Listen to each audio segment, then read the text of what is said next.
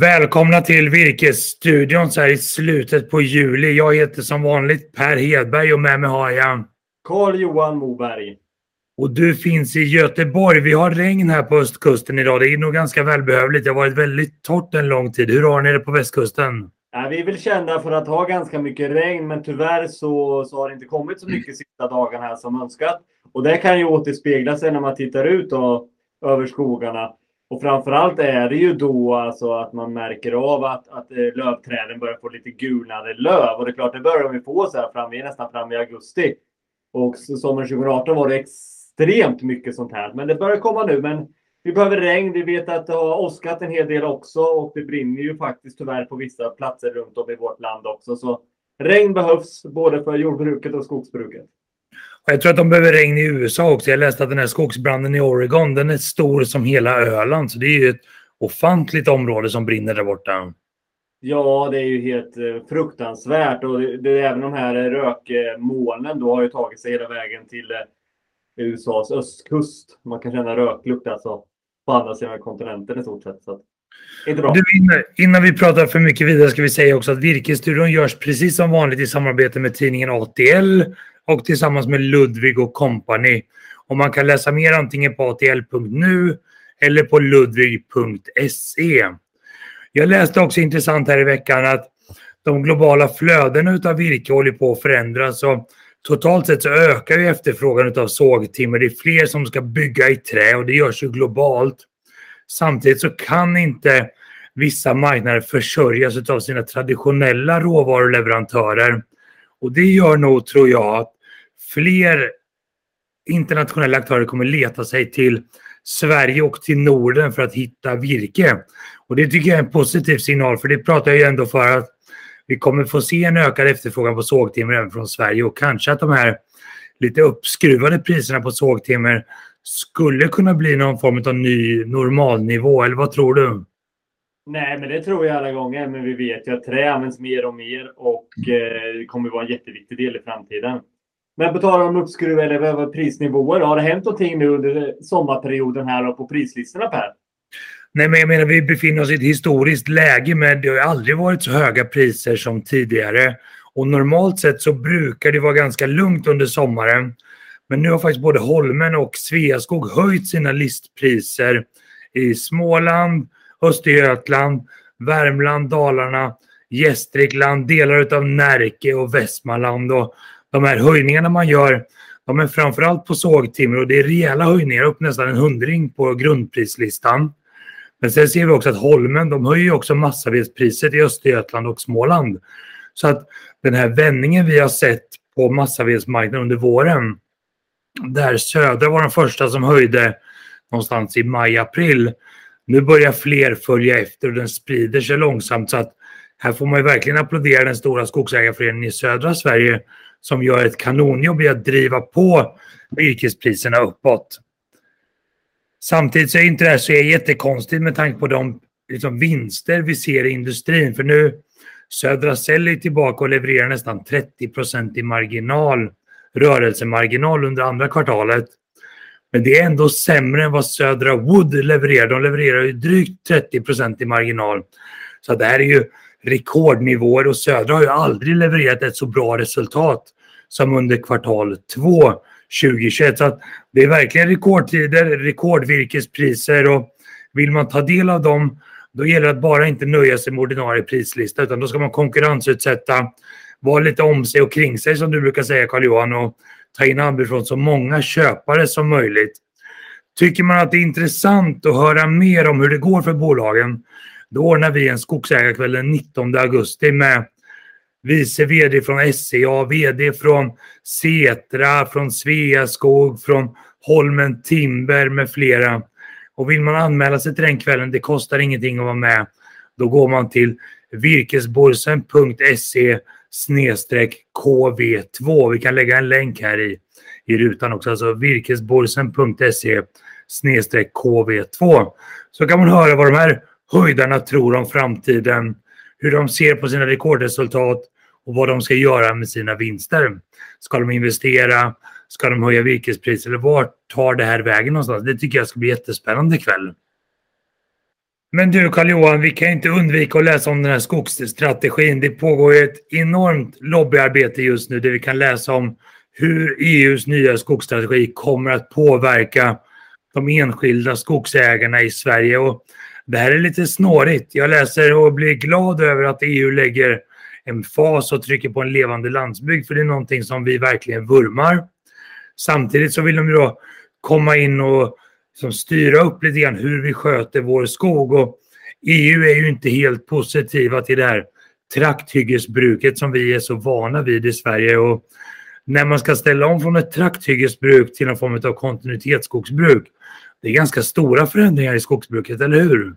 Ja, det är jätteförändringar om det skulle bli så här. Och ingenting är väl, det är inte fastslaget än hur det kommer att bli då. Men det som har kommit ut i alla fall har vi då, vi har ju löst in oss på, men vi har även tagit hjälp av lite andra experter inom skogsnäringen då för att kanske reda ut och se lite vilka konsekvenser det här skulle kunna tänka sig att bli för skogsägarna. Så att vi har ju då intervjuat Edvard Hollert som är ledarskribent på ATL.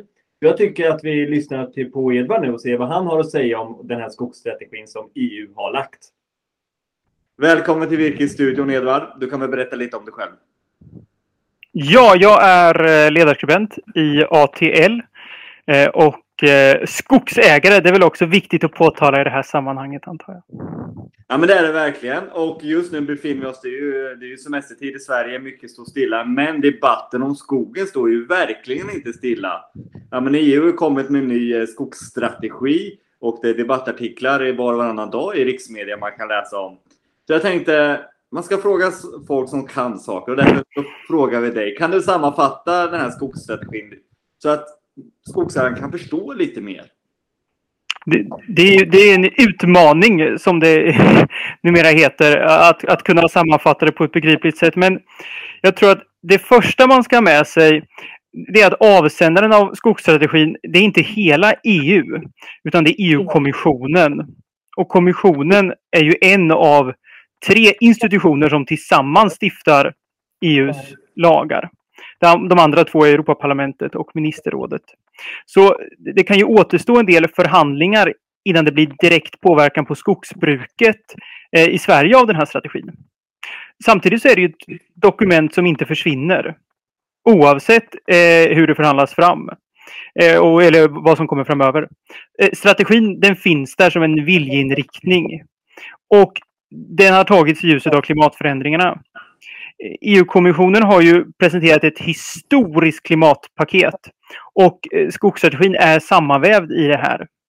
Och eh, i det här klimatarbetet så är en viktig hållpunkt mindre koldioxidutsläpp till 2030. Och, då har man fått upp eh, ögonen för skogens förmåga som kolsänka. Så, så, det är väl egentligen så här, den bakgrund som det nog är bra med sig.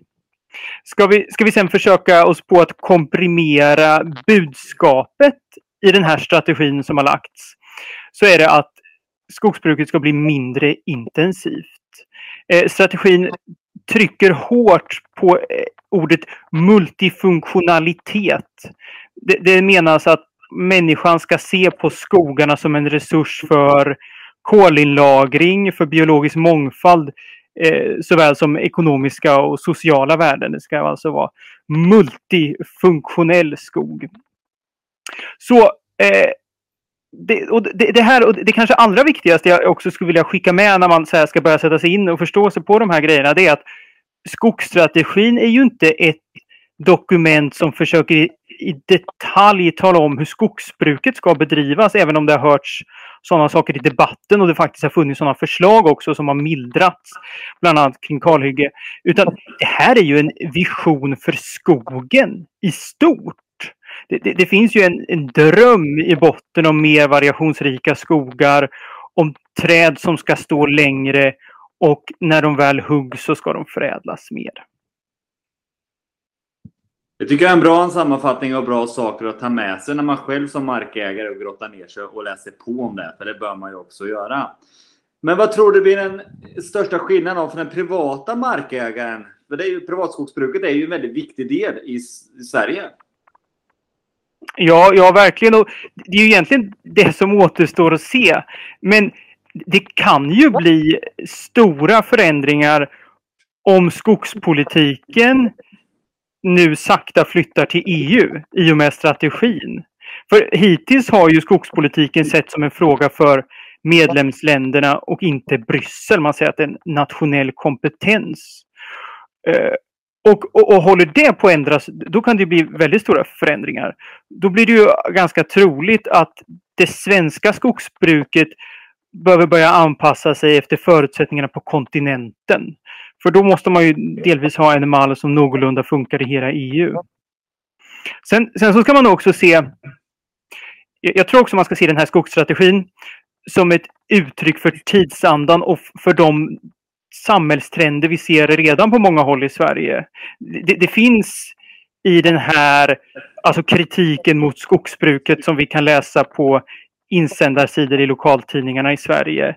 Det, det, det finns ett möjligen ökat of, ett oförstående för skogsbruket, hur det går till exakt. Det finns en parallell till lantbruket där också.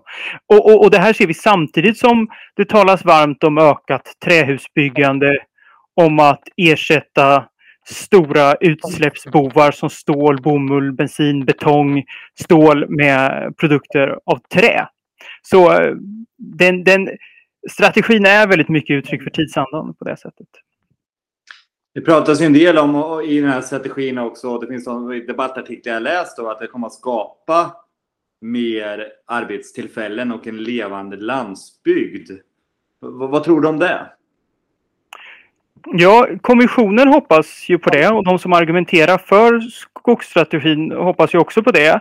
Eh, jag kanske är lite tveksam. Visionen är ju delvis, inbillar jag mig, anpassad efter kanske mer europeiska förhållanden. Med mer småskaliga verksamheter. Det, det, det, det är...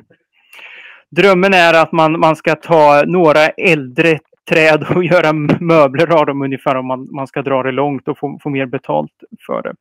Eh, samtidigt så tror jag så här, det, det, finns ju definitivt sånt som kan vara positivt i det här. Som mål om ökat trähusbyggande Eh, eh, med översyn av EU-ländernas regelverk för trähusbyggande. Precis som i Sverige, eh, eller som Sverige hade, så, så, finns det ju många länder i EU ett, ett spärr i lagen för hur höga och stora hus man får bygga av trä av brandskäl egentligen. Nej, men det finns många olika synsätt på det hela liksom. Och klart att det småskaliga jordbruket som vi ser, jord och skogsbruk som vi kanske ser i andra länder. Eh, när man kollar på alpländerna så bygger det ju mycket på att man eh, förmodligen har en eh, relativt stor eller huvudinkomst från turismnäringen. Och i Norge så är det en hel del andra landsbygdsbidrag om jag fattat rätt. Ja, Norge och Schweiz har ju mycket. Jag, jag, tror att den här visionen för skogen påminner lite om Matlandet eh, som var alliansregeringens vision för svensk jordbrukspolitik under åtta år. Och det handlar ju i mångt, eh, som allt tidigare, att man ska få ut mervärden av det. Det, det kostar mer att eh, producera mjölken, köttet i, i, Sverige, men konsumenterna kommer vara beredda att betala mer för det för att det, det finns andra värden runt omkring, man tar större hänsyn och liknande. Det, det, det är lite samma tendenser inom skogsbruket också, att vi reglerar hårdare, eh, vi begränsar uttaget, men folk, eh, konsumenten kommer att vara beredd att betala mer i, i slutändan. Det, det är lite samma dröm, inbillar mig, som går igen. Det är väldigt intressant där, för jag brukar ibland jämföra det där med, för det, det finns ju initiativ. Det finns ju väldigt många idag som har sin bandsåg och sågar eh, lite ja, fina ekplankor och säljer till ett fantastiskt pris om man jämför vad, vad granplankan, vad de får betalt för den. Eh, och de bitarna. Det finns liksom en rörelse kring det, så jag tror alla gånger att det kommer och att det finns en viss självhushållningstanke kring skogsbruket. Mm. Och det behövs ju en mångfald av aktörer. Det vore väl eh, det vore väl ypperligt om man kunde se en sån utveckling där det blir fler och eh, mindre också. Sågverk exempelvis. Ja, men alla gånger. Ja, men vi ska ha många aktörer i Sverige som förädlar den fina råvaran som skogarna producerar. Det är min syn. Edvard, jag vet att du nu ska gå på semester, så jag önskar dig ha en skön semester. Och tack för att du medverkar i Virkesstudion. Tack så mycket. Du karl jag tycker att Edvard förklarar det här på ett enkelt och bra sätt. Och jag tänker ibland att det har lite grann med vilket tidsperspektiv man ser på skogen. Är det så att vi ska uppnå klimatmålen till 2030, då är det ju jätteviktigt att vi nyttjar skogen som kolsänka. Men på lite längre sikt så måste vi ersätta fossila produkter med förnyelsebara produkter. Och då spelar ju skogen en annan roll än bara kolsänka. Och jag tänker att det gäller att hitta den här balansen i vilket tidsperspektiv vi ska lösa klimatkrisen på. Ja, men det är ju. Skogen är ju bara en del i det hela. Det handlar ju precis som du säger att ställa om då utav fossila bränslen, men samtidigt också ställa om alltså i, i den privata konsumtionen. Både förmodligen vad som gäller produkter, resor och nöjen och de bitarna. Kan vi fortgå liksom att, att ha det livet eh, som vi är vana vid? Det är frågan. Jag tycker att det är jätteintressant att vi diskuterar vilken roll skogen ska ha i vårt samhälle framöver. Skapar den störst värde som kolsänka, som substituerande för fossila drivmedel eller fossila råvaror? Eller är det för biologiska värden? Och själv tror jag att det gäller att hitta balansen mellan de här olika värdena som skogen skapar. Och där får man kanske som skogsägare gå till sig själv och se vad man själv prioriterar och vad man själv tror och tycker om sin skog. Så jag tycker det är en jättebra diskussion som ändå pågår. Även om den kan bli lite polariserad ibland upplever jag. Jo, men så är det ju. Alla, alla skogsägare har olika förutsättningar. En del kanske har eh, i stort sett obelånade fastigheter och då är kanske inte ekonomin den viktigaste, alltså intäkter kanske inte det viktigaste från skogsbruket. Men däremot så vet vi att det finns de som har investerat stort och hårt de senaste åren till rekordpriser på skogsfastigheter och klart att då vill man ju ha en avkastning på det man har investerat. Och just som du säger, det här att ha en tydlig målbild och samtidigt då att se till de olika värdena från skogen. Det är ju någonting som eh, Skogssällskapet pratar om. De har ju slogan som är Vi är skogen rikare. Och därför har jag även då kopplat upp mig mot Karin Fällman Lillqvist som är hållbarhetschef på Skogssällskapet. Och nu tycker jag vi hör vad hon har att säga än så länge då om EUs skogsstrategi. Då hälsar vi Karin Fällman Lillqvist välkommen till Virkesstudion. Kan inte du berätta lite om dig själv och vad du jobbar med? Ja, jag är ju hållbarhetschef på Skogssällskapet. Och som hållbarhetschef på Skogssällskapet så jobbar jag med väldigt mycket olika saker. Dels med de här klassiska hållbarhetsfrågorna, men även en hel del med våra forskningsbidrag och som det vi ska prata om idag, det här med opinionsbildning och skogspolitik. Ja men precis och eh, vi har ju nu i det här avsnittet av Virkesstudion så pratar vi just om den här EU skogsstrategi. Kan du på något sätt och vis eh, enkelt sammanfatta det här så som markägarna som tittar på det här blir lite mer insatta? Ja, det är ju inte så himla enkelt att sammanfatta måste jag ju erkänna. Men man kan säga så här, EU har med den här skogsstrategin försökt knyta ihop säcken för vad man vill ha, vad man ska ha skogen till inom ramen för det här med klimat och med miljö och hela den här, det de kallar för the new green deal. Eh, och där, där försöker man sätta skogen i det sammanhanget också. Så det är väl liksom grunden för att den här skogsstrategin har kommit till. Eller den, det har funnits en gammal, men att man gör en ny nu. Eh, så det är väl liksom det som det, det, är väl liksom grunden till varför den finns. Men sen så när man ska liksom fundera på vad den innehåller, det är väl då som det börjar liksom, eh, grotta till. För det är en ganska visionär strategi. Man har mycket, mycket visioner kring det. Men sen så går man även ner i detaljer och har idéer om hur, hur man ska uppnå de här visionerna.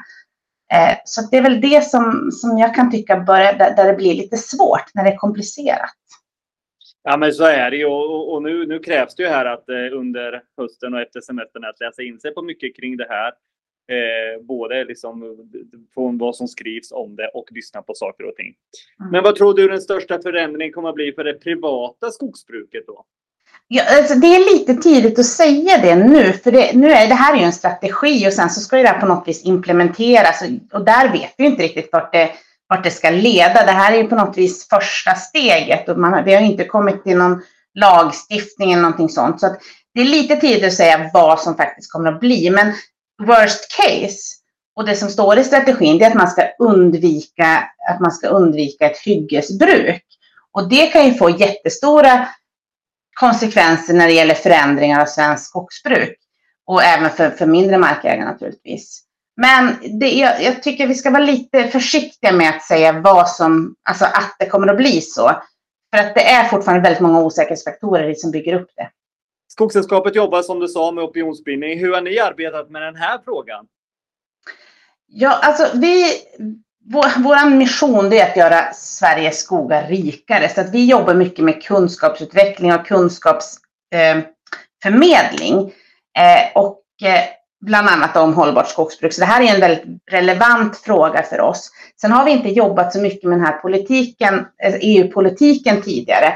Så att just nu så håller vi på att göra, försöka göra en analys av vad det här kan innebära för vår verksamhet i både i Sverige men även i Finland och Lettland där vi har verksamhet. Så att vi, vi är väl eh, just nu, är, eh, men som du säger, vi funderar på vad kan det här komma att innebära och hur ska vi kunna jobba tillsammans med andra aktörer för att få det så, så bra som möjligt i, för, för oss i Sverige och, och våra länder. Ja, det låter bra, för det här krävs ju att eh, flera engagerar sig i frågan och driver den. Det går ju inte bara att några enstaka gör det. En sak som jag tycker är intressant om man kan läsa lite om i debatten kring EUs skogsstrategi, det är att det sägs ju att det kommer att skapa fler arbeten och en mer levande landsbygd. Mm. Har du mm. någon liksom syn på det? Alltså det är ju en jätteintressant fråga och den, är ju, den tenderar att bli lite politisk filosofisk sådär vad, vad man tror. Och, och sen så som jag sa i början, det är svårt att veta vart det här landar i slutändan när man har implementerat strategin.